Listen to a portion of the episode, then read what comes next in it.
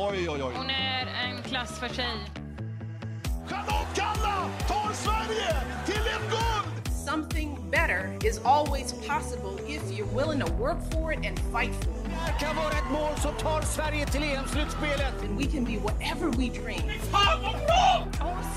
Sliter, hon sliter. People see us for who we truly are. Jag började och inte tjejer fick spela fotboll. They too will be inspired. Helt plötsligt står jag här som förbundskapten för det svenska damlandslaget. 05, stopp in! Vilken nagelbitare, vilket drama! Vilken hjälte!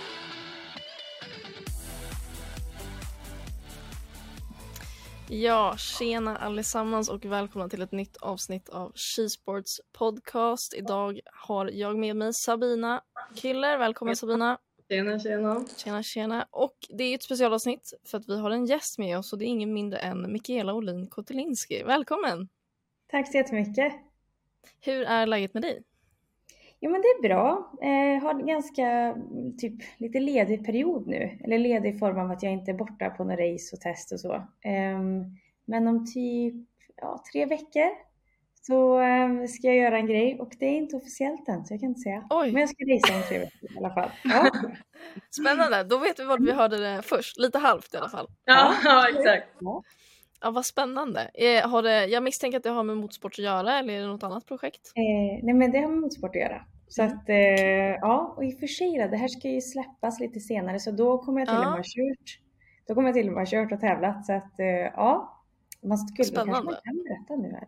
Ja, alltså vi, vi är bra på att hålla hemligheter så att vi Okej. säger ingenting. ja. Ja. men det släpps ju lite senare. Nej men jag ska köra rallycross också. Ah, Eh, ja, så jag ska upp till eh, Norge först och sen ska jag även köra i Höljes. I, Kul. En, ja, men i näst högsta klassen. Så RX2E Mm. heter det, elektrisk rallycross. Och ehm, kör för um, Kristoffersson Motorsport med eh, Nils heter han Andersson. Så vi har ett team som vi kallar för Team E. Och med tanke på var vi sitter nu så står det för Engagement, Equality och eh, Electrification såklart eftersom det men är el. gud vad fint. Ja, Magiskt. så det ska jag göra. Då har vi ännu mer att följa på motorsportsfronten i den här podden och det känns väldigt kul. Jajamän. Ja, vad roligt. Då ska vi hålla koll på det eh, och eh, då vet alla lyssnare att det var vi som fick höra det först. Så att vill man ha bra nyheter då ska man lyssna på Skisports. Ja. Alltid. Eh, nej men eh, det var ju lite kort om, eh, om dig så att, men jag tänker att du kan fortsätta Mikaela och bara introducera dig själv och ja, men vad du gör till vardags. Ja, nej men jag är ju racingförare, eller rallycrossförare och offroadförare. Började som gokartförare. Så eh, men, ja, Mikaela Olin Kotolinski, eh, 30 år, ung, gammal, ifrån Ja, eh, Hammarö. Ja, ung. ifrån Hammarö, strax utanför eh, Karlstad. Och verkligen så här uppvuxen i motorsportsfamilj. Så eh, min morfar tävlade typ allt förutom eh, Formel 1. Eh, Vann Paris-Dakar 1980, den här jättestora offroad-tävlingen. Ehm, Min mamma var rallyförare och eh, hon eh, träffade då min pappa på en rallytävling. Och så fick de först storebrorsan som visste från ja, men dag ett så här, ja, men jag vill bli världsmästare i rally. Så när vi bodde hemma så på vintern så byggde han upp banor på gräsmattan. Eh, liksom i snön där och så sprang han runt med sin bobbycar. Man fick inte gå på liksom, snö, snötäcket där, det var helt katastrof. Men jag var så här, nej, det här tyckte jag inte var roligt. Jag, och jag tror att det kanske var för att det var så mycket motorsport i familjen. Mm. Också då Karlstad, där eh, vi gick ju Svenska rallyt, så den VM-deltävlingen som vi hade i Sverige. Men jag, nej, men jag höll på med dans och gymnastik och tyckte liksom att det var mer min grej. Men sen så har mina föräldrar alltid varit så här att man ska få prova på alla sporter. Så jag golf, simmat, alltså you name it. Um, men då i alla fall så skulle jag prova på gokart första gången när jag var sex år gammal. Det gick inte jättebra. Jag nådde inte pedalen. Så pappa la på en träkloss eh, på gasen. Men då nådde jag inte bromsen heller. Ja, Nej. och då snurrade jag men gokarten stannade inte så jag kraschade in i en stolpe. Mm. Och brorsan grät för gokarten var sönder. Jag grät för jag hade Ja. ont. Ja, ingen bra. Schysst brorsa, det var inte så att han grät för att syrran var med om en olycka liksom. Nej. Nej, nej, nej, nej, men det Nej. var absolut mest det materiella. Men Var ja, det nej, men, den första kraschen i karriären? Ja. Verkligen Ja. första kraschen. Åh herregud. Men, ehm, ja, men sen så av någon anledning så tänkte jag fem år senare att nej, men jag provar igen det här med gokart. Och då gick det lite bättre. Så då eh, Är du-. Är du lite envis eh, till sättet? Eller var det bara att du var lite extra Nej. nyfiken eftersom att det inte gick så bra första gången? Nej men jag var extremt envis. Det är kul att du ställer Mm. den frågan. Det är verkligen, alltså när folk frågar vad min styrka är så skulle jag säga att det är att jag är så envis. Jag ger inte Mm. upp utan jag bara så här, krigar på och krigar på för att det var samma sak när jag väl började då med gokart så var jag absolut inte bäst ifrån början. Utan jag var typ näst sist. Men jag är envis så jag hängde i. Ja, det skulle gå. Eh, och så, så vann jag mitt första race, var det 2004 tror jag. Ja. Ehm, och sen så fortsatte det på den vägen. Så då var det gokart, sen var det banracing, eh, lite rallycross också faktiskt i början av karriären. Men eh, banracing i Tyskland först så vann jag. Eh, och det som är speciellt med motorsport, det kanske inte alla vet, är ju att det inte är uppdelat i liksom, dam och herrklass utan alla tävlar alltid mot, ja, mot varandra.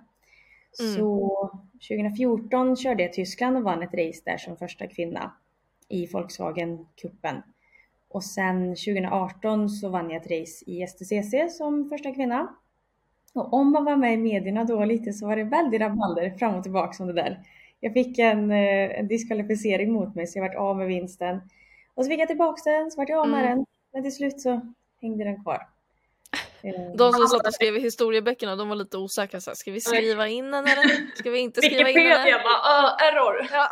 Ja, ja.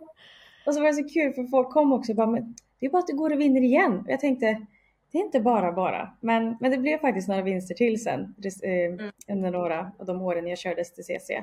Och nu då så, ehm, ja, min plan var ju att fortsätta med banracing. Men så kom något som heter Extreme E upp som är elektrisk offroad.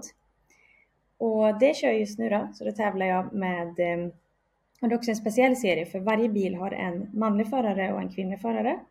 Så jag tävlar tillsammans med Johan Kristoffersson för Nico Rosbergs team Rosberg X Racing.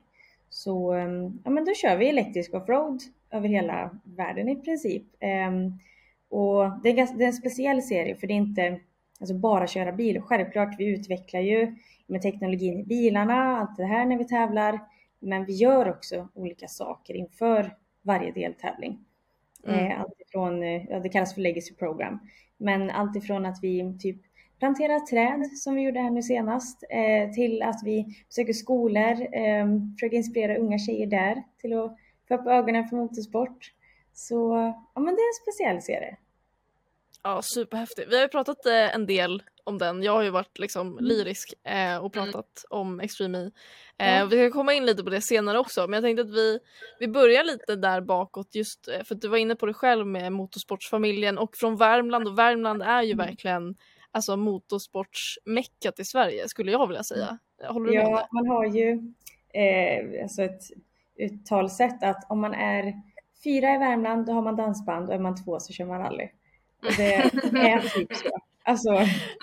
Ja. det var inte rally för mig då. Men ja, det är väldigt mycket motorsport. Mm. Ja, du men det- dansband i, i bilen då när ni kör race? Eller? Nej, men eh, förra året så eh, körde jag rallycross för, eh, för JC heter de. Eh, också, han var faktiskt min mekaniker när jag var typ 10 år gammal i gokarten. Och då Mm. har vi mycket dansband, både i verkstaden och liksom, du vet när man meckar med bilen där, eller de meckar med bilen, mekanikerna. Så att ja, Ja. det kan vara en hel del dansband. Och det känns lite som hemma när jag får höra Mm. dansband. Det måste jag Mm. känna. Har du någon favoritlåt? Nej. Alltså jag bor ju även, eh, eller mamma och pappa bor ju granne med Christer Sjögren så man får ju liksom hylla honom också såklart. Så att, ja, nej men det är en blandad kompott. Men, Mm. Men det är ju alltid god stämning då kan jag tänka mig. Det är ju, dansband är ju väldigt glatt och det är Ja, väldigt skönt att ha det i, i verkstaden. Ja, ja men det, man blir glad av det. Mm. Men hur, har du kvar intresset för gymnastik och, och dansen? Alltså kan, kan du ägna någon tid åt det nu för tiden? Ja, ja, faktiskt då så har jag mina kontrakt att jag inte får göra farliga saker. Mm. Och eh, anledningen till det är väl för att jag gick på gympaträning 2016. 16, 17 där nio år. Och jag skulle bara gå på en träning liksom. Hade mina kontrakt färdiga för året efter. Och eh, gjorde typ enkla volter som var för mig då, så här framåtvolt med en och halv skruv. Och så gick det jättebra tills jag sa att men nu tar vi och filmar. Och då bröt jag högerfoten. Åh, Eh, ja, jag bröt, jag tror att det är språngbenet, så det är någon del i som så här, svår att läka och tar jättelång tid. Och först vart jag helt så här, katastrofledsen för jag bara, men gud hur ska jag kunna gasa och ja. Men då var det faktiskt min teamchef som jag hade då på den tiden när jag körde för PVR, då, STCC, då sa han, men det är jättebra till högerfoten vet du, för du bromsar ju med vänster. För det gör man i motorsport, att man liksom bromsar med vänster och ja, gasar med höger. Mm. Och då insåg jag så här, just det ja. För bromsen är ganska, det är mycket kraft, man liksom sparkar stenhårt på bromsen och sådär. Medan ja, gasen är ju bara mer att du ska ha känslan för det. Ja. Och jag tror att hade det varit vänsterfoten som hade brutit så hade nog kanske inte att min karriär hade varit över, men jag hade inte kunnat kört det året som kom. Så det Mm. var lite tur i oturen då. Men med det sagt, verkligen. inte mer gymnastik sedan dess. Nej, nu är det Så. väldigt försiktiga grejer som gäller.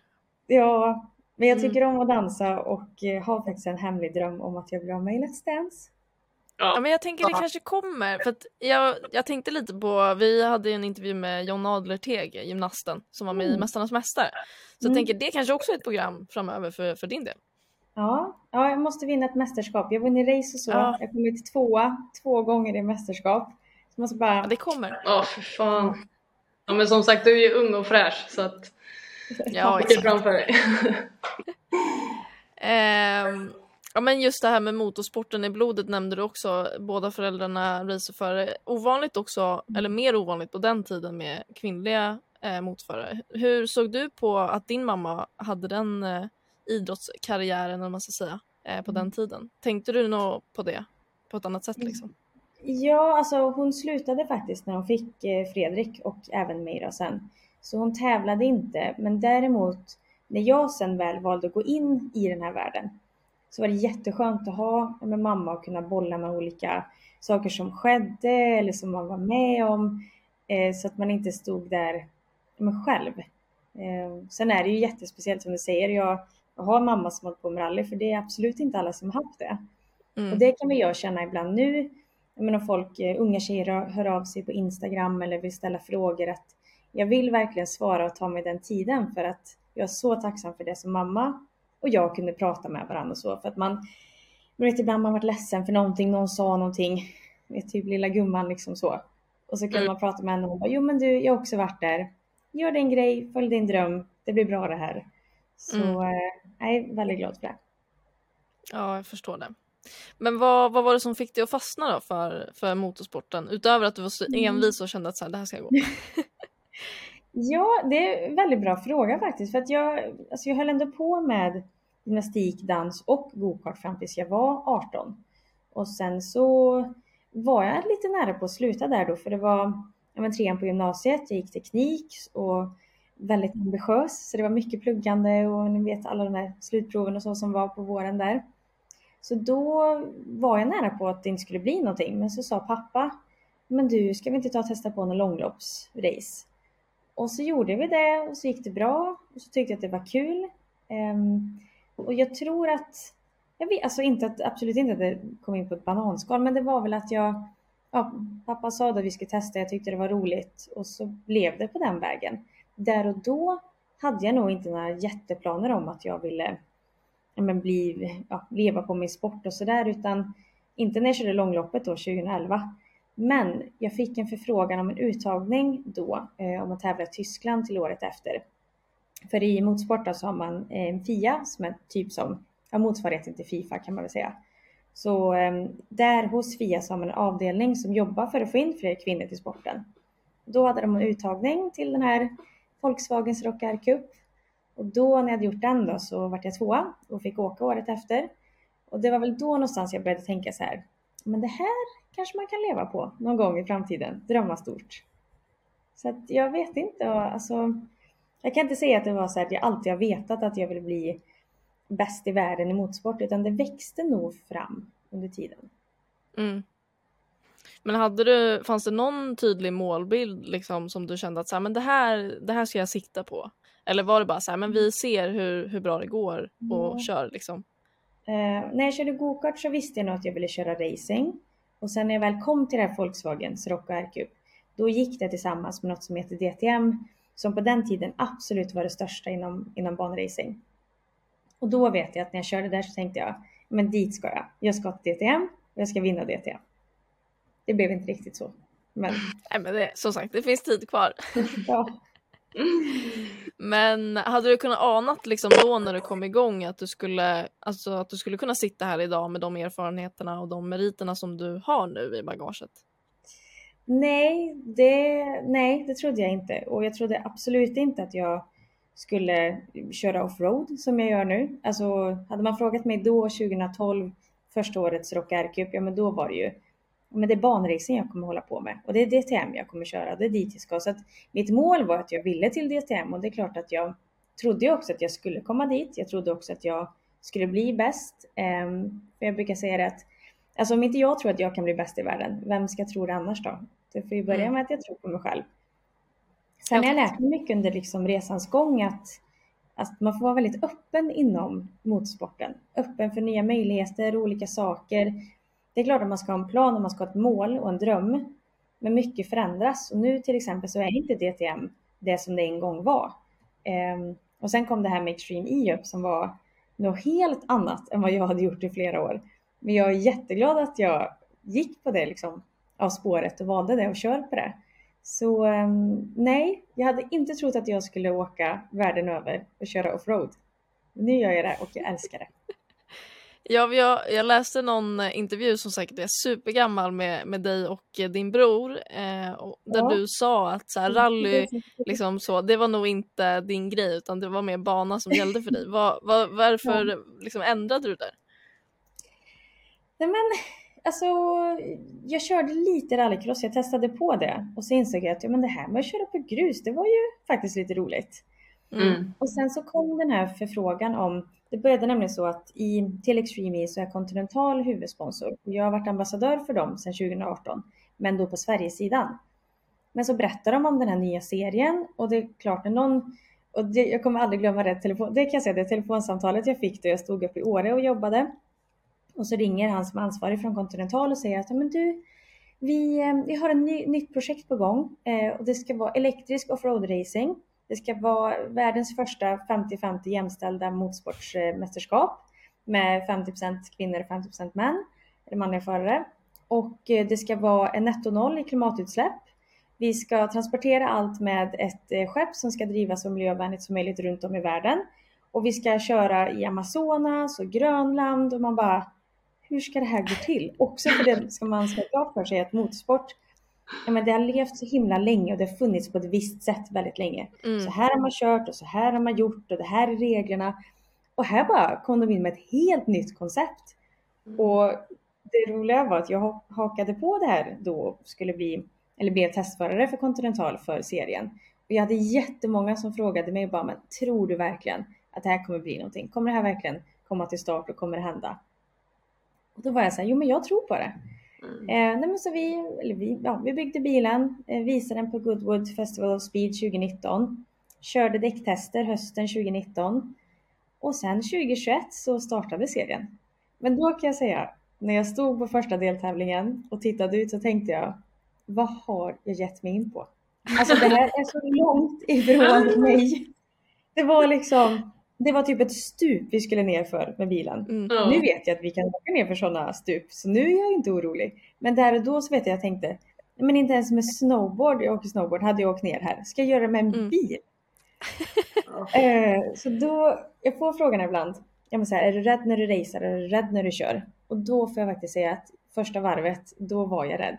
Och så tänkte jag, ja men om alla andra kan det, men då kan väl jag också. Så jag, ut och kör. Ja. Och så är det väl som med mycket annat typ att ja, men då åkte jag ner för det där stupet och bara det här gick ju bra. Ja, mm. men ja, då vi kör igen. Då kör vi. Jag kan ju också tänka mig då första deltävlingen att de övriga som också stod på linjen, även fast vissa av dem hade mer erfarenhet inom det området så kan jag ändå tänka mig att många kände nog ungefär som dig att så här, shit vad håller vi på med? För någon, alltså, eftersom att det var så himla nytt liksom. Ja, ja men det var verkligen så. Jag tror det är speciellt vi som var med första säsongen man visste aldrig vad man kunde förvänta sig. Alltså allting var så nytt och man hade ingen aning. Och vi kan nu, för många som körde första säsongen kör fortfarande nu tredje säsongen då, att man liksom pratar om det här Saudi första deltävlingen och bara att det var helt galet. Mm. Och att man nu känner att man gärna hade gjort om den banan för den var jättehäftig och det var superhäftig location. Det såg typ ut som så här Star Wars miljö.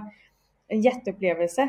Men där och då var man ju bara det var så mycket intryck och så mycket nytt eh, så man förstod väl knappt vad som hände. Men, Mm. nej, men det var väldigt häftigt i slutändan. Och jag är glad att jag tog det på det sättet som jag gjorde. Att jag så här, ja, för det var krascher och sånt som hände. Och då sa jag till, för jag tävlade för Jenson Buttons team då. Så då sa jag till honom när jag åkte ut sista gången att du, jag kommer åka ut och så gör jag det på mitt sätt. Jag kommer inte överköra. Du, jag kommer åka så att jag känner mig liksom men bekväm. Mm. Och sen mm. har jag gjort det på det sättet sen dess och ja, men verkligen tagit steg för steg och känt att ja, men det här är otroligt roligt. Så att eh, är det är jättehäftigt.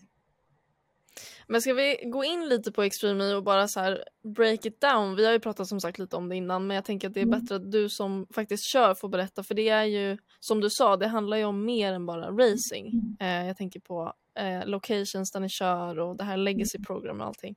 Vill du Mm. berätta lite om, eh, om ja, men, vad Extreme är för någonting? Vad det är för något? Ja men eh, sagt, elektrisk offroad racing runt om i världen.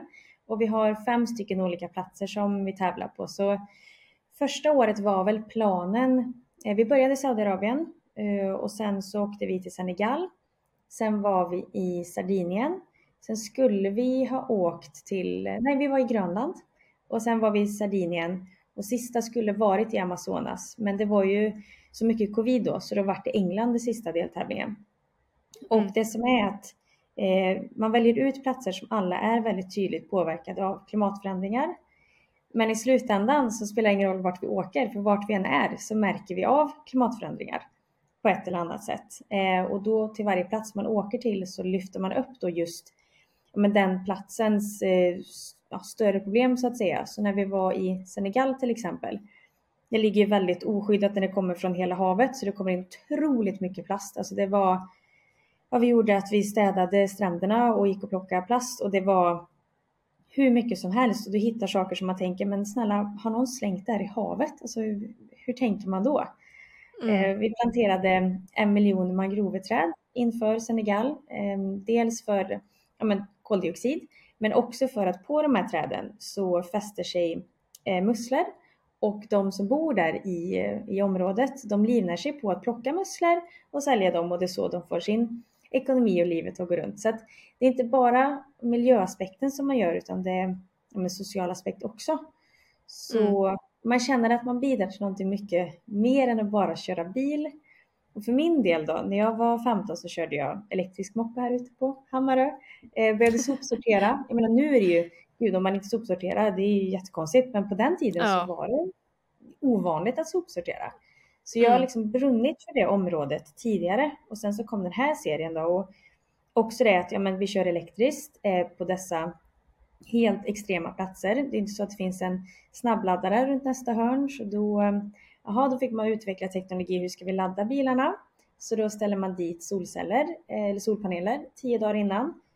Laddar bilarna och biprodukten blir vatten. Och de blir väldigt skitiga våra bilar när vi kör. Så då tar vi det vattnet Mm. och så tvättar vi bilarna. Så försöker man ha ett liksom cirkulärt system och ehm, liten grej, men vi har med oss våra egna bestick och tallrikar och glas och så.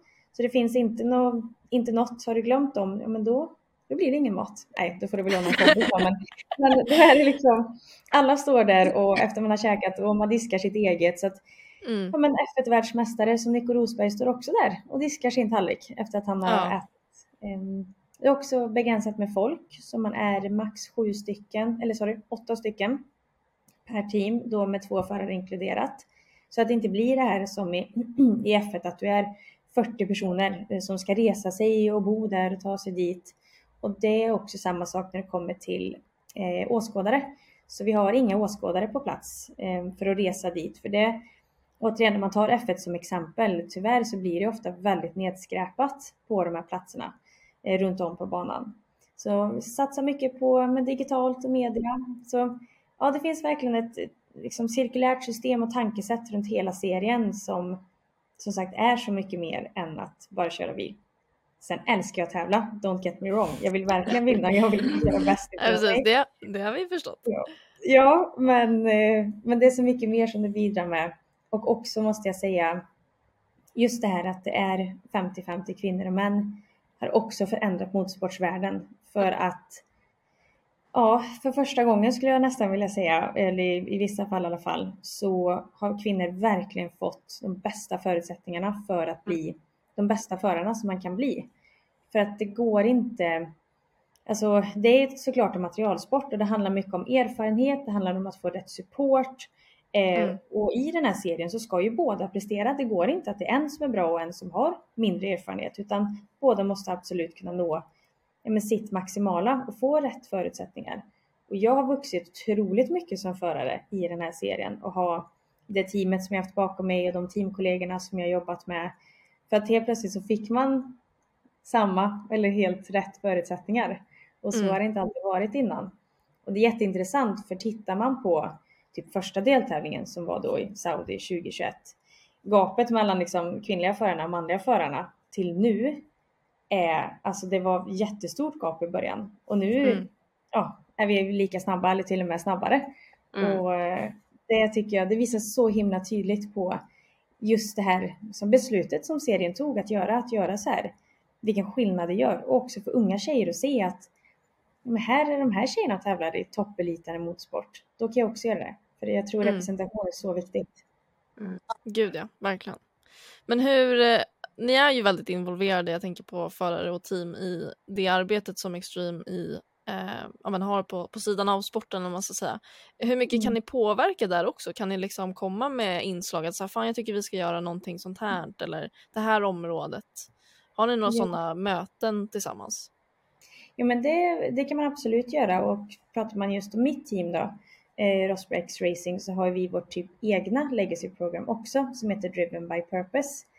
Så där kan jag absolut eh, vara med. Så jag var eh, med Nico i Sardinien förra året och med tanke på bränderna där så var vi också planterade träd. Så med Life Terra planterade vi det, var det miljonte trädet? Eh, så det var häftigt. Ja, de skulle bli 10 miljoner träd. Ja, men det var mm. stort. Mm. Så där kan jag verkligen vara med och tycka till. Och när vi var i Saudiarabien till exempel så besökte vi en, eh, eller med Driven by Purpose-programmet, besökte vi en kvinnlig eh, konstnärsskola där de gjorde smycken. Och så fick de kamera och tek- alltså datorer, teknisk utbildning så att de kan sälja sina smycken online. Mm. Så ja, vi får vara med och tycka till och säga till. Mm.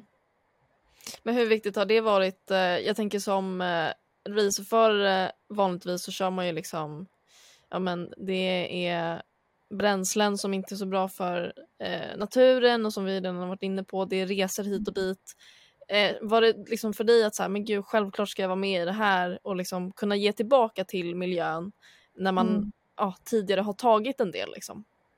Ja, nej men absolut så kände jag att hela konceptet kändes helt rätt för mig eftersom ja, jag, för mig är det sagt, jag började tänka på det redan när jag var yngre eh, och tog de valen. Och sen tror jag också att man, man är med i det för man sprider också en större bild. Eh, inte bara i Sverige, men i Sverige är vi väldigt, väldigt medvetna. Kommer du till andra länder eller du kommer till Senegal till exempel, så där de inte har ett fungerande system för hur de ska sopsortera och kunna bidra med kunskap där eh, och kunna sätta upp stationer där och förändra samhället. Så man känner att man också bidrar på ett större sätt. Ehm, jag, jag tror ju på mycket så här, många bäckar små. Kan du få en, ja, en fanskara till Extreme E som du har i F1 och alla börjar tänka på vilka val man gör så kommer det bli jättestor skillnad. Mm. Men det är klart också, bygger man en stor sport som lyfter de här ämnena och man också faktiskt kan påverka de större, eh, större företagen eller större sektorerna att också börja tänka mer medvetet. Men då kommer det bli en stor förändring. Så att, ja, för mig kändes det en väldigt viktig del i att man gör det här arbetet i serien. Mm. mm. Hur är det om man säger utöver den eh, miljö och eh, samhällstänket? Hur är det att köra i en sport som är så pass under utveckling som Extreme E ändå är? Eftersom att ni har bara varit igång mm. i, i tre säsonger och jag kan tänka mig att det är mycket som fortfarande justeras. Till den här säsongen så började ni köra 10 race istället för 5 och alltså jag kan tänka mig att det är många sådana grejer som fortfarande slipas på. Mm. Ja men det är det verkligen. Så att jag, det får jag faktiskt säga att jag tar alltid med mig en stor hink tålamod brukar jag säga inför varje racehelg. Och sen så, vi har ett litet uttryck som är så här, ja ja, men det är extreme så det kan förändras. Det kan ändras Mm. på dagen. Så jag, och jag är en sån, eh, jag är en väldigt ordning och reda människa. Vill ha koll på saker och strukturerad och göra en plan. Och åker man på extreme E-tävling så kan man typ inte ha det. Eh, så därför så har jag stort tålamod, åker dit och är så här, okej, jag är beredd på allt. Eller som nu senast, då ställde de in kval 1. Så då hade vi bara kval 2. Eh, så bara, jaha, okej, ja, ja, då får vi göra det. Så jag är väldigt så inför varje tävling. Men jag tycker, och, och det som är positivt då, då, som du säger att det är en ny serie och den är under utveckling, är ju att vi också får tycka till om saker. Vi får säga att ja, men vi tycker det här konceptet är bättre eller det här konceptet tycker vi inte funkar. Det här vill vi förändra. Och det är jättehäftigt att vara med på den resan också. För som sagt, många andra sporter, det är liksom skrivet i sten. Så här går det till så här, i motorsport. Så här gör man här, så här gör man här. Och här så har man en helt ny serie, helt nytt koncept att få vara med och forma. Mm. Ja, det är, det är superhäftigt alltså. Man tänker ofta på så här, um, stora visioner om, om sport och så här eller i, i livet i sig. Eh, att man har en vision och vi tänker att vi vill hamna här framöver och, och så får man höra om en, en sån här sport som är liksom Ja men vi tänker på, all, på allting som du har förklarat nu att ni liksom återanvänder allt och det är som ett eget kretslopp. Eh, Ja och det, det, det är superhäftigt att ha en vision och faktiskt nå det målet också och komma dit och utföra det faktiskt. För, alltså, man kan ju ändå förstå att folk hade så här frågetecken innan och bara men kommer det här verkligen bli någonting? Eh, men så är man så pass ihärdig och tror på den här idén så pass mycket att eh, man faktiskt får det att hända för att skulle jag ha hört det här innan det faktiskt, alltså innan vi sitter här nu för fyra år sedan så hade jag nog också bara ja, men ja alltså lycka till. Eh, Ja, ja men lite så. Så att eh, ja, det är su- superhäftigt och eh, liksom jag fortsätter bli förvånad varje gång jag hör mer saker om sporten och verkligen superimponerad över allt engagemang och allting för det, det är inte lätt heller att få det att, att gå runt. Nej. Men, och det får man säga, han som startade serien, Alejandro Agag, han startade ju även Formula E. Och det var ju också jättemånga kritiker till det i början, så jag tror för mig, när jag visste att det ändå är Alejandro som är så entreprenör och Mm. ja, men, skapa typ det omöjliga en gång Mm. med Continental som jag vet är ett väldigt men, uppstyrt och liksom seriöst bolag och verkligen men, tro på de här bitarna och de budskapen som Extreme stod för. Mm. Då tänkte jag att ja, men det här, det kommer bli av. Mm. Sen är det ju en jätteresa med toppar och dalar och alltihopa för serien och bilarna. Men, ja, men det är häftigt att vara med på den och Mm. jag tror som du säger att det är så ofta någon kanske har en vision och en dröm och man vill någonstans, någonstans och så blir det ingenting. Nej. Men nu har det verkligen blivit det. Sen hoppas jag att serien får hänga kvar och hänga i. Vi är på eh, tredje säsongen nu och det är, jag vet att det är tre år som det är signat för att ha kvar serien. Så nu är det väl lite förhandlingar och tankar om hur framtiden kommer bli och vad som kommer ske och så. Mm. Men jag hoppas verkligen att det fortsätter. För jag tycker att det är så viktigt det som Ja, det, alltså det är det ju verkligen. Och, alltså, Extreme E kan man ju nästan säga är liksom alla typ samhällsfrågor som är igång just nu. Alltså miljö och jämställdhet och allt är bara liksom ipackat ner i en Mm. sport och det är, ja, det är superhärligt. För sport för ju ändå folk samman och, eh, och det är, ja, nej, det är helt underbart. Och inspirerar tänker jag. Liksom. Ja, Skapar mycket precis. känslor och inspirerar. Och det, jag tycker att, jag, jag har sagt det att jag, det jag tycker som är också fint med Extreme E är att det alltså, vad ska man säga, på, eh, påverkar på ett positivt sätt men också det här att man uppmanar till att göra mer medvetna val eller uppmanar till att eh, jobba med jämställdhet på ett positivt sätt. Mm. För ibland kan jag känna att så här, det här när folk typ anklagar eller man får en negativ ton till att ja, men du måste göra så här och du måste säga så här. Istället för att som nu då så vad visar man på de positiva delarna och då blir man mer inspirerad att ta Mm. positiva val än Mm. liksom, klagad på att ta bra val. Ja, och det faktiskt går ju. Det- Alltså, det är ju... Det är Mm. Vi har ju möjligheter och det, det är inte direkt jobbigt. Alltså ni åker över hela världen och planterar träd och liksom får det att, att ske i verkligheten och Mm. inte bara pratar om att ja, men vi är miljömedvetna och vi tänker på framtiden. Utan det, det sker ju och det tror jag är en, en stor skillnad i, i mycket i världen överlag. Eh, att man Mm. verkligen gör det man säger och står för också. Men jag tror att det är också just att, att Extreme E har tagit den liksom flaggan och, och tagit stafettpinnen om man ska säga så, liksom leder vägen och visar att så här, det går faktiskt att göra en sport på det här sättet. Mm.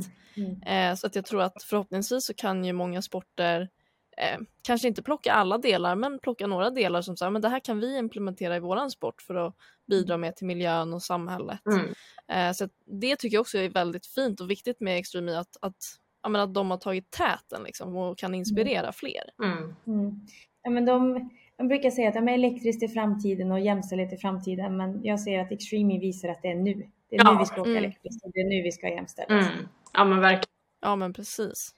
Exakt, men man måste ju börja någon gång. Men eh, jag såg också en eh, intervju med Anna Nordqvist som är generalsekreterare i eh, Svenska Bilsportsförbundet. Mm. Och de har ju pratat lite om motorsport i OS. Ja. Och då låter det som att de är inne på att ska motorsporten in i OS så är det just det elektriska som kommer gälla. Eh, Mm. Så det är också väldigt kul. Känner, känner du liksom att så här, fan, då vill jag få in en fot där nu när jag redan är inne. Så det kanske blir OS för din del också. Ja, det som är lite kul just att du nämner det och det vet inte ni om. Men jag ska faktiskt ner till eh, Singapore tillsammans med mitt team. Eh, för Allians är en av våra sponsorer till teamet och de är också Mm. en sponsor till eh, olympiska spelen. Så jag ska vara med på mötet för olympiska kommittén och eh, prata om Extreme E. Ja men du Så, ser. eh, Ja, så vi får se. Jag gör ett Ja. bra jobb så kanske det blir så. Nej, men Det jag vore var där och jag vill berätta om sporten och representera. Så det är klart Mm. att jag, det hade ju varit jättehäftigt om det är så. Att vi skulle få motorsporten till OS. Och det är klart att Mm. det, det är ju elektriskt och det är hållbart och det är den teknologin vi måste utveckla och det vi måste jobba ifrån. Mm. Så vi får väl se. Eh, Väldigt spännande. Ja.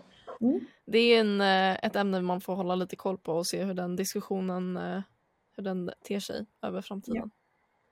För som jag förstod det så är det ju mm, om möjligt till eh, OS 2028 så det är ett tag kvar i så fall Mm. tills vi är där. Det tänker jag ändå att då hänger jag i och tävlar fortfarande. Ja, ja men det är Det klart. Då, vi kommer sitta där i publiken oavsett liksom och bara hoppas på att Mikaela kommer vara med. Ja. Hon kommer vara med. Ja, det är bra. Tack. Men eh, jag tänkte att vi ska glida in lite på just ämnet med jämställdhet som vi började prata om eh, här med Extreme som är, ja men har ju förmodligen påverkat många och visat att det här går ju att göra. Eh, tror att fler kommer följa efter deras exempel just med det här 50-50 tänket. Eh, jag vet inte om man kommer göra det. Det är ju speciellt att vi tävlar, eller det är inte konstigt att man tävlar i lag i motorsport, alltså 24 timmars lopp eller längre lopp så, så brukar man vara två, tre eller fyra förare eh, till och med. Eh, sen om man kommer införa det i andra serier, jag vet inte. Men det jag framför allt tror är att Extreme E visar att en duktig förare, oavsett manlig eller kvinnlig, får man rätt förutsättningar och rätt möjligheter har man talang så kan man ta sig till toppen. Och tidigare så har det hängt i så mycket att det är manliga förare som är de bästa förarna. Men det kanske är också för att de har fått förutsättningarna från att de är tio år gamla. Jag får jätteofta frågan det här, "Ja, men när får vi en tjej till Formel 1? Jo men den dagen vi har lika många tjejer som är unga och startar när de är 5-6 år i gokart. Mm. Den dagen vi har lika många tjejer som får möjligheten att bli signade av, jag vet McLaren för något tag sedan signade en 10-årig grabb. Ja, men Mm. Den dagen vi har lika många 10-åriga tjejer som blir signade och får åka i, men i toppteam och i toppserier. Men den dagen så kommer vi få en kvinna till Formel 1. Mm. Men du måste ju någonstans börja på samma bas. Eh, det är klart att har du 150 grabbar som startar och tre tjejer. Det är klart att det är svårare att ja, hitta en talang bland tre än bland 150. Så kanske Mm. en är en talang bland de här tre. Men historiskt sett så har kanske den av de här tre då inte heller fått rätt förutsättningar för att ta sig till toppen. Och just Mm. F1 är ju, det startar så himla tidigt. Eh, jag, menar, jag är alldeles för gammal, även fast ni säger att jag är ung, tack för det. Jag är alldeles för gammal för att göra den resan nu. För jag menar, Mm. men grabbarna som kommer in i F1 nu, de är ju 17-18 år gamla. Och det krävs att det börjar så tidigt och det krävs att det är någon som vågar satsa. För det satsas på massa unga grabbar som det inte blir någonting med. Och måste ha samma fördelning och samma förutsättningar, möjligheter för eh, unga tjejer också. Mm. Men hur upplever du motorsportsvärlden? Du har ju ändå varit med ett tag liksom och, och så. Hur, eh, hur har det varit liksom jämställdheten? Hur har du sett det från, från där du har stått? Ja, ja alltså jag kan ju precis som du säger bara tala utifrån vad jag ändå har varit med om. Mm. Jag tycker att det har blivit mycket bättre. Jag tycker man har sett en jätteskillnad senaste tre, fyra åren kanske. Jag är ändå inne på min trettonde säsong nu i motorsport, så i racing så var det gokart innan det också. Jag Mm. tycker att hela eh, attityden och synsättet på kvinnlig förare har blivit förändrat, så det har blivit bättre. Eh, det var mycket när jag var yngre, liksom lilla gumman. Eh, när jag körde Mm. det här Volkswagens Rock R-Cup där och så minns jag så väl att jag sa att jag ville till DTM och jag kommer aldrig glömma liksom den här lite äldre herren då som liksom, ja men lycka till. Va- Vad kul att du har en dröm. Och då Mm. Berättade jag faktiskt det här för Nico förra året, för förra året så vi har något som heter Continental Traction Challenge där man får extra poäng, det är en viss sektor. Och där förra året i Sardinien så var jag, var jag, fjärde snabbast i den och snabbare än Sebastian Loeb som har vunnit VM nio gånger. Så Nico var ju liksom over the moon och jättestolt, jag också såklart. Och då berättade jag det här för Nico och då sa han det att det är så himla tråkigt att det har funnits den bilden. Och att ja, men så här, nu är det dags för, för tjejerna att få rätt förutsättningar. Mm. Eh, Så det här med Extreme E har verkligen förändrat det. Man har något som heter nu F1 Academy där man har eh, unga eh, tjejer som har möjligheten att åka i toppteam eh, och så kör de, ja nu kör de inte tillsammans med F1 men det är klart att att nämnas i samband med F1 gör ju också att de får den här mediauppmärksamheten och att de men sagt får tävla med toppteam. Så det är ju Mm. också att det dels inspirerar andra men att du får rätt förutsättningar. Eh, sen har jag varit med om orättvisor tidigare där jag känner att ja, men för att det är klart att det finns vissa fördelar med att vara tjej i motorsporten. Jag menar, jag varit ju historisk för att jag var första kvinna att vinna STCC. Jag var historisk för att jag var Mm. första kvinna att vinna det här. Så den mediabiten är positiv. Men jag har ju kanske känt ibland att jag har fått ja, men kämpa hårdare för att bli accepterad eh, eller respekterad. Eh, få liksom min åsikt hörd. Eh, och sen kan det också vara ibland att man tänker att ja, men, vi tar in den här tjejen till teamet för att det kommer vara jättebra media för teamet och sådär. Men så får man kanske 90% av rätt förutsättningar och 90% Mm. är fortfarande jättemycket. Men för att du ska kunna bli bäst så måste du ha 100. Då måste du ha den bästa personalen på bilen, liksom det bästa materialet på bilen. Det går inte att, att inte vinna om du inte har hela paketet, att allting stämmer överens. Mm. Ja, och det är väl de bitarna som är svårare att liksom pin, ja, pinpointa och göra synliga för det syns inte utåt. Men jag brukar jämföra med att ja, självklart kan du spela fotboll i flipflop, det går ju. Men den som har fotbollsskor kommer vara bättre. Eh, Ja. och det, det syns inte lika tydligt i motorsporten att någon kanske har mer åt flipflop-hållet. Men den biten har absolut skett och varit. Eh, och det är där då som, eh, ja, för att kunna vinna så måste man helt enkelt ha rätt förutsättningar hela, världen, eh, hela vägen. Mm. Har du upplevt att, eh, jag tänker att ett team har känt att så här, de kanske inte har vågat ta in en kvinnlig förare för att de är lite så här, ja men är hon bra nog och eh, kan vi, kan vi jobba med henne verkligen? Och att man är lite Mm. feg. Har du, har du tänkt på det någonting? Ja, alltså snarare det att man kanske inte har satsat som sagt till 100 procent och det Mm. gäller ju också hela ledet, både från team, från sponsorer och, och den biten att man som sagt inte jätte, det kanske är saker som att ja, men det blir två set mindre nya däck för dig för Mm. att eh, vi fick inte in tillräckligt med sponsorpengar.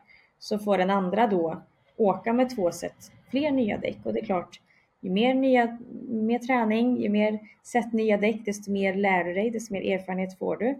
Så det är Mm. typ sådana saker som kanske har skett lite här och där som då gör att det inte blir det här hundraprocentiga för att kunna vinna. Mm.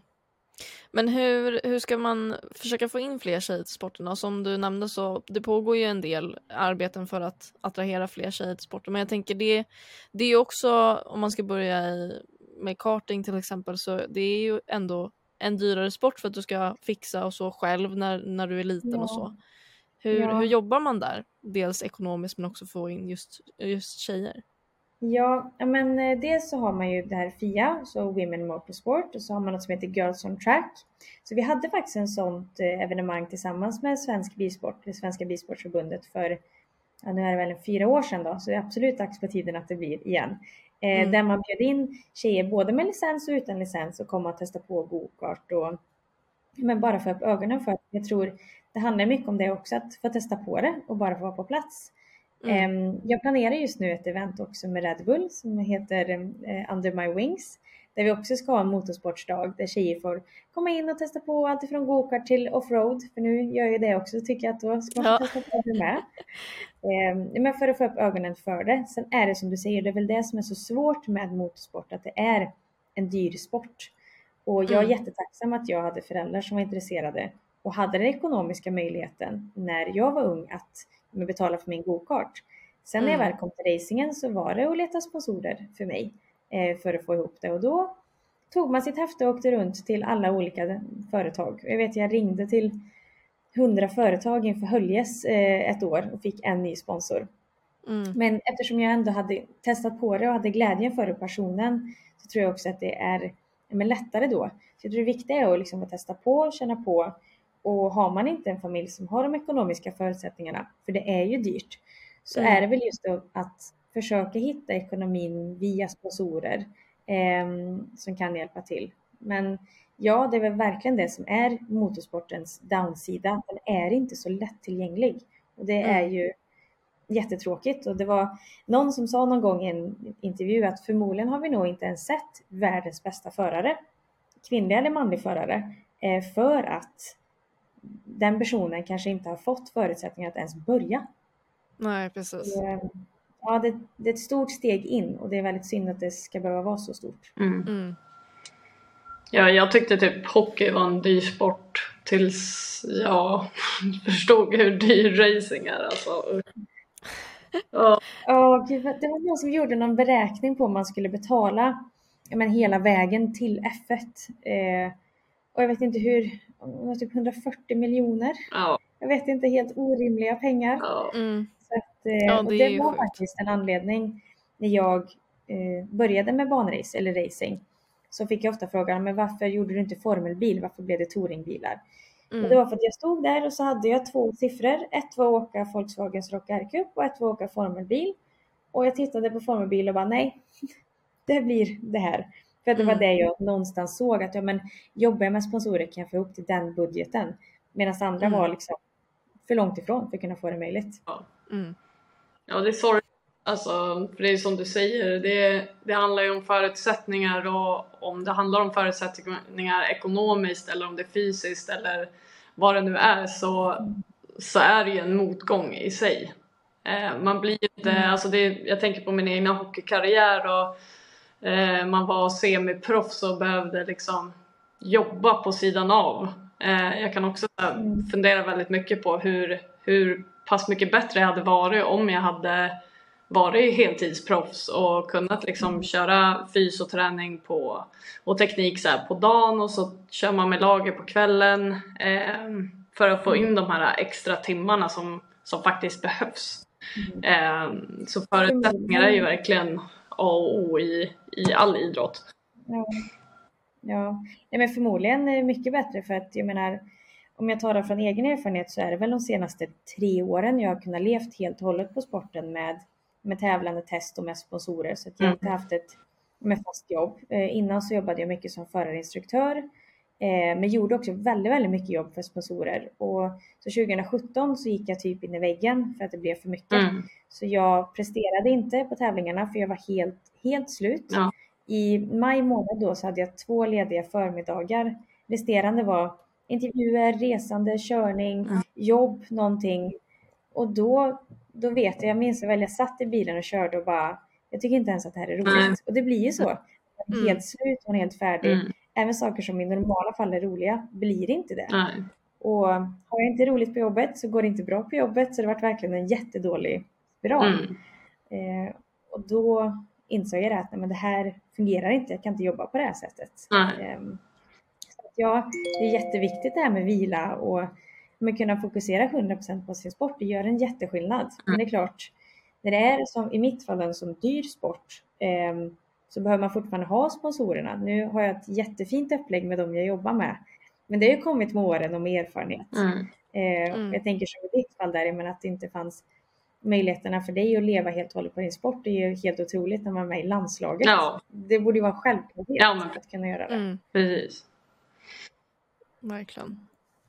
Men eh, du nämnde att du var, gick in i, i väggen och så. Hur, hur tränar man och hur, liksom, hur lägger du upp vardagen som racingförare? För, ja, men som Sabina till exempel som har varit ishockeyspelare. Eh, då reser man ju också eh, mest land runt om man säger Sverige. Ja. För dig så blir det ju liksom race på så många olika platser i världen eh, och mycket resor. Hur, hur funkar vardagen för dig med, med träning och även liksom familjerelationer och kompisar och hur, hur hinner man med allting? Ja, eh, nu har jag en lite lugnare period. Så nu faktiskt i typ ja, en och en halv veckas tid i alla fall så kommer jag vara hemma i Karlstad. Och det, det är ganska långt för mig att vara hemma i en och en halv vecka sammanhängande. Det är inte ofta. Men Sjukt. Är jag det så försöker jag verkligen passa på att träna eh, och styrketräning och kondition. Och för det är det som är motorsport, det är väldigt svårt att träna mycket för det är så pass dyrt. Så man kanske Mm. har tre eller fyra träningsdagar per år och sen är det racehelgerna. I år Mm. kommer jag väl ha 13 stycken totalt tror jag.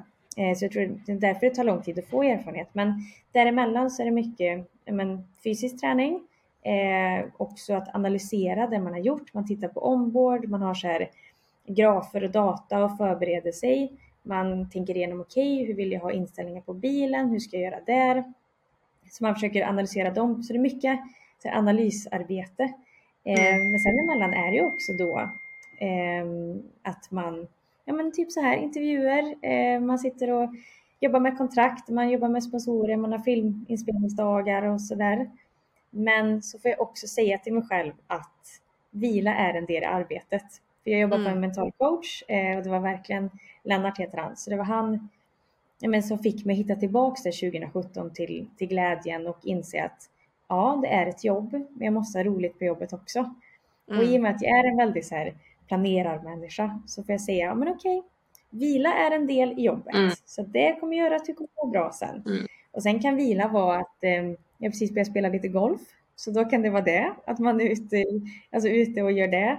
Typ stänga Mm. av hjärnan helt och hållet från jobb. För annars är jag, jag är snarare den overachiever. Att jag tänker för mycket, analyserar för mycket, jobbar för mycket. Så jag måste Mm. också lägga in vila för att stänga av och inte bara ja, men, överjobba liksom. Mm. Eh, så ja, så det, det blir ju också mycket egen, ska man säga, egen tid och eget driv. Och där känner jag att jag nog inte, det fattas inte på drivet att vilja jobba. Det är mer att jag måste så här, okej, vad leder nu vilja upp dig så att du har energi att prestera sen. Ja, men om det är Mm. på sponsordagen eller om det är på eh, tävlingen eller testet. Mm. Ja, men det är viktigt det där också och just eller alla sporter egentligen så är ju den mentala biten så oerhört viktig även fast den kanske inte får så mycket uppmärksamhet som den borde. Men jag tänker Mm. just för, för dig som också tävlar mer eller mindre själv. Eh, du förlitar dig liksom på dig själv. Du har ju din, din liksom lagkamrat nu i, i Johan och sen team, teamet bakom dig men det är, ju, det är ju bara du som sitter vid ratten. Så det blir ju säkert mycket mentalt. Ja, jo men det blir det. Och um, sen så, jag tror också där, alla är väldigt olika eh, och jag tror att man måste hitta sin väg som funkar för sig själv. Och Mm. jag tycker att jag och Lennart har hittat ett väldigt bra sätt. Sen är det klart att, oh, gud, jag, jag blir ju nervös verkligen och jag vet inför Chile förra året och det måste jag säga att jag är. Men för mig är det också viktigt att jag är i ett team och med en teamkollega som jag fungerar bra med. Och Johan är en otrolig klippa. Han är jättestark mentalt, otroligt duktig, eh, men också väldigt duktig på att liksom ja, men vara en bra teamkollega till mig och även teamet i sig. För då vet jag att jag var lite nervös och sa gud, jag är nervös nu. Då sa han, men det är därför vi gör det här. Tänk den dagen du inte är lite nervös innan längre, då bryr du dig inte. Så Mm. då försöker jag alltid tänka så liksom, ha sådana tankesätt. Men nej, men det mentala är en jättestor del eh, för mig och jag tror att det kanske är det för många också. För Mm. påverkar så mycket men det fysiska och det psykiska och det gäller att allting är som i en balans. Så jag, jag är glad för mitt jobb med Lennart men också att jag jobbar med väldigt bra människor. Sen har jag också lärt mig att jag måste kommunicera men till teamet men vad som är viktigt för mig. Det Mm. kan ju inte de veta om inte jag säger det. Så, eller ta avstånd om det är något jag men du vet till exempel har jag lärt mig att om någon kraschar eh, på träningen eller i något annat hit, men då vill Mm. jag inte se. Då säger jag alltid till Johan, okej, vad var det som den personen gjorde? Vad är det jag inte ska göra? Och så vill jag inte Mm. titta. Då ligger det där. Men då har vi lärt oss, Ja. här, Mm. lärt oss det i vår teamdynamik. Och det uppskattar jag jättemycket. Ja men det är superfint. Jag tänker på något annat som också påverkar eh, och som kan vara bra att vara öppen med. Vi har pratat mycket om, eh, om mens och hormoner och sånt för just kvinnliga atleter. Eh, Mm. Hur har liksom det varit för dig i din karriär? Har det påverkats mycket av liksom din mens och hormoner och sånt eh, under tävlingar och träning och så? Ja, mer hormoner skulle jag säga. Eh, och att jag kan förstå sen i efterhand att säga, men gud, nu var det PMS Ja. som var här. Mm. Så för min del har det varit alltså, viktigt att förstå, är det PMS som är och vad behöver jag göra för att jag ska må bättre av det? Och jag har Mm. lärt mig att sömn och mat för mig är superviktigt. Så att så här, jag måste verkligen eh, liksom, gå och lägga mig tidigt på kvällen så att jag får sova ordentligt. Eh, det är lätt många som är så här, men vi ska sitta uppe hela natten och studera. Men jag vet att det kommer inte gå. Och speciellt om det är en sån vecka. Då behöver jag verkligen äta liksom, ordentligt och sådär. Ja. Eh, men faktiskt då så är det en grej som jag kan som jag kan ha stört mig på. Som jag, jag har nog aldrig pratat om det här i någon intervju. Eh, Men det är, mycket, det är mycket med vikt när det kommer till motorsport. Att man ska Ja. vara Ja, men man ska vara så lätt som möjligt och för man ska kunna fördela vikten på olika ställen. Och jag menar Mm. bara av att vara 1,62 så automatiskt väger jag mindre än alla killar. Ja. Ehm, men då vet jag att när jag körde STCC så eh, skulle man, och då precis när jag började så var jag 24 typ. Man skulle alltid väga sig inför. Och de flesta killar väger väl kanske typ samma hela tiden. Men det Mm. vet ju vi som kvinnor att när man har mens den veckan, men då är man vattenfylld och då väger man mer. Ja. Jag Mm. minns att jag kunde vara så nervös ibland för att se att det var ett och ett halvt kilo mer Mm. då. Och så kunde de, vissa, ja, man stod och vägde sig och så kunde det vara kommentarer som att jaha, nu är sommaren här och du lagt på dig lite. Mm. Och så vill man också säga faktiskt då, ja men när jag, när jag var yngre så hade jag faktiskt ätstörningar. Nu har jag jobbat med det och liksom är trygg i mig själv och så. Men en sån Mm. kommentar kan ju verkligen förstöra så mycket och det är så himla onödigt. Mm. Eh, och jag tycker att det liksom någonstans där, hade det varit idag så hade jag sagt ifrån för att är någon så osäker och får en sån kommentar så kan ju det vända upp och ner på dens dag, vecka eller ja, vad Mm. som. Så det, det är inte okej att säga sådana kommentarer. Och jag menar, det är det som är som kvinna, att man pendlar i vikt eller man har Mm. PMS. Och om man nu har det, nu sagt, skulle jag ha PMS och Johan skulle säga det till mig så skulle jag bara skratta för att vi, men vi känner varandra så väl Mm. nu. Mm. Eh, Jag tror att det är precis som ni gör, det är bra att lyfta det här ämnet för att eh, det påverkar, det gör det. Mm. Och speciellt det här att vi som då ska gå och väga oss hela tiden och skriva in vikten och Mm. alltihopa. Mm. Ja, men jag tänker också för ja, men liksom, yngre tjejer som kanske inte har koll på att ja, men det kan öka i vikt under liksom, när Mm. man har mens på grund av olika orsaker. Att inte då veta att det kan bero på det, då kan det ju också bli att det tar extra hårt för att man blir så här, nu är det någon som kommenterar på min vikt här. Vet Ja. man i bakhuvudet att så, ah, men det beror på det här, då kanske man, det kanske rinner av Mm. lite bättre. Mm, Så att det är också ja. det att vi, vi vill ju lyfta det för att, för att det ska bli vanligare att prata om att det är, det är Mm. lugnt så att de här yngre tjejerna som kommer upp, framförallt inom idrotten, att, Mm. att de ska ha lite mer eh, kött på benen om man ska säga så. Ja men verkligen. Och det, ja, sagt, det var ett jättestort ämne det här med vikten också när jag var yngre Mm. och tävlade. Och jag, ja, nu sagt man har blivit äldre och man har lärt sig att mår jag bra, jag känner att jag är stark och att jag orkar eh, och jag vet att jag kommer alltid väga mindre än de 1,95 eller 2,03 grabbarna som jag tävlar emot. Mm. Och då rinner det av lite lättare. Men när jag var yngre så gjorde det inte det. Nej. Ja men det är ju så. Det kommer ju med, med åldern, känner jag själv också, att man lär Mm. sig ju liksom att hantera vissa saker bättre än när man var liten. Mm. Men eh, om vi ska runda av lite, så hur säsongen i Extreme E så här långt? Du och Johan Kristoffersson kör ju för eh, Nico Rosbergs team då. Eh, ni ligger trea just nu. Hur, Mm. eh, hur ser du på säsongen så här långt? Ja, men vi började starkt, så vi var Mm. trea och trea. Vi eh, vann faktiskt första racet, men det var misskommunikation i, så vi fick ett straff på massa sekunder, så vart vi trea Ja. istället. Eh, och i Skottland så, vi var snabba ehm, och det var jättegyttigt eh, och tyvärr så Mm. fungerar inte vindrutetorkarna som de ska. Så i första finalen så kom Johan ut som trea eh, var på väg att köra om både ettan och tvåan, eh, men kom ut som tvåa tror jag. Men så funkade inte vindrutetorkarna och Johan, Mm. hur den är, han har tävlat jättemånga år och kört jättemycket olika serier och rullade för första gången. Jag tycker att det talar en del för sig själv då. Mm. Ehm, Så det här är ett problem som vi har i Extreme. Jag menar säkerhet är ju A och O. Så det här är ett Mm. problem som vi kommer ta upp också för att det funkar inte att ha fungerande torkare. Så då blev vi femma. Eh, och sen så i söndagens race så kom, eh, ja, då kom Johan ut som fyra och torkarna funkade inte igen så han kunde inte köra om. Ja, bytte över bilen till mig. Sen fungerade de en stund och då tänkte jag att ja, men nu kan jag ju köra om för nu funkar de. Mm. Så jag körde ikapp och ska köra om. Men så slutade de att fungera. Så då var det krasch och då var vi femma. Så vi ligger trea mästerskapet men vi hade en, en tuff helg i Skottland. Ja. Ehm, Men vi får ta med oss att de får lösa vindrutetorkarproblemet. Mm. Det ska inte vara lika mycket gyttja i Sardinien som är nästa deltävling. Eh, och det är klart att vi vill verkligen vinna men om man pratar på, som du sa, Extreme så har det ändrat upplägget så det är bara Mm. race nu. Förra året så hade vi att man körde på tid och kval och då har du mycket mindre riskmoment när du är själv på banan såklart och det bara är på tid. Nu är det Mm. bara race mode. Det är fem bilar, alla vet att du har fyra varv, två varv per förare.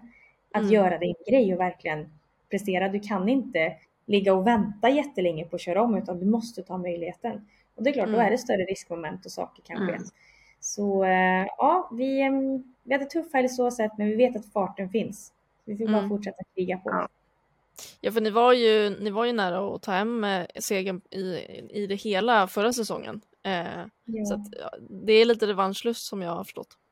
Absolut, det är det. Det var väldigt nära, två poäng. Så nu Mm. bara kommer vi kämpa för att det ska vara två poäng fast på rätt sida.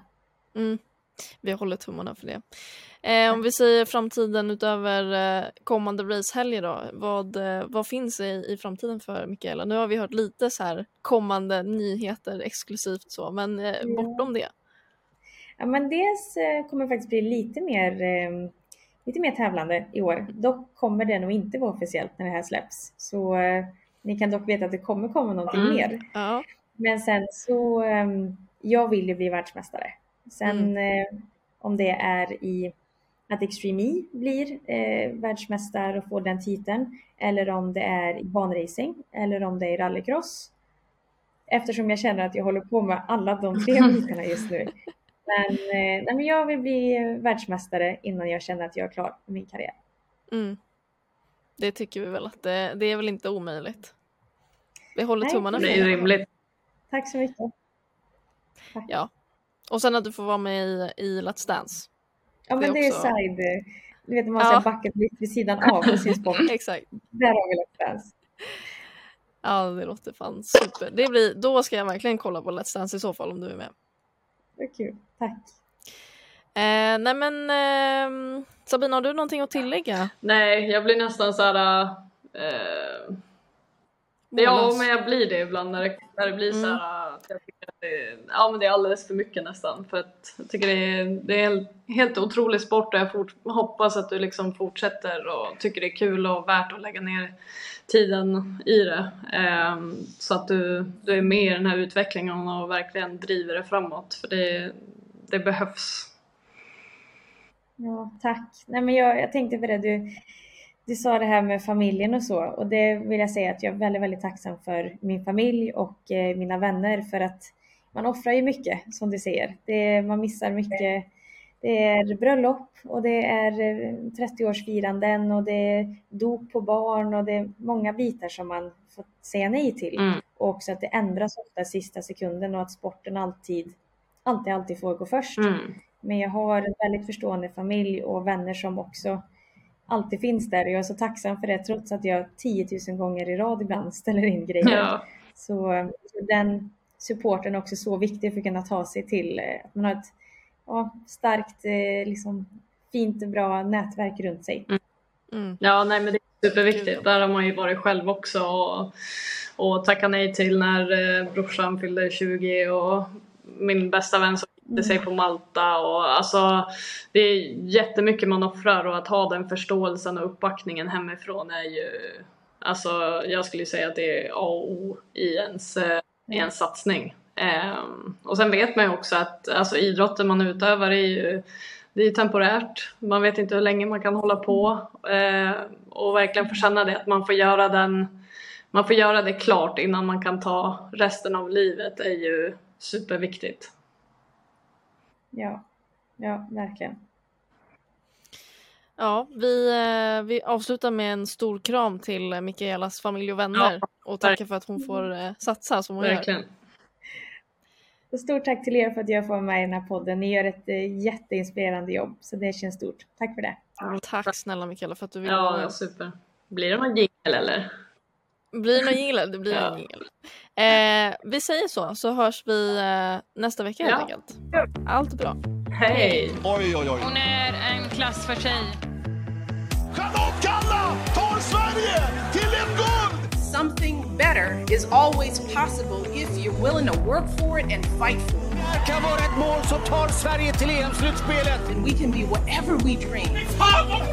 Hon sliter, hon sliter. People see us for who we truly are. Jag började så inte tjejer fick spela fotboll. They too will be inspired. Helt plötsligt står jag här som förbundskapten för det svenska damlandslaget. 05, stolpe in. Vilken nagelbitare, vilket drama! There! There! There!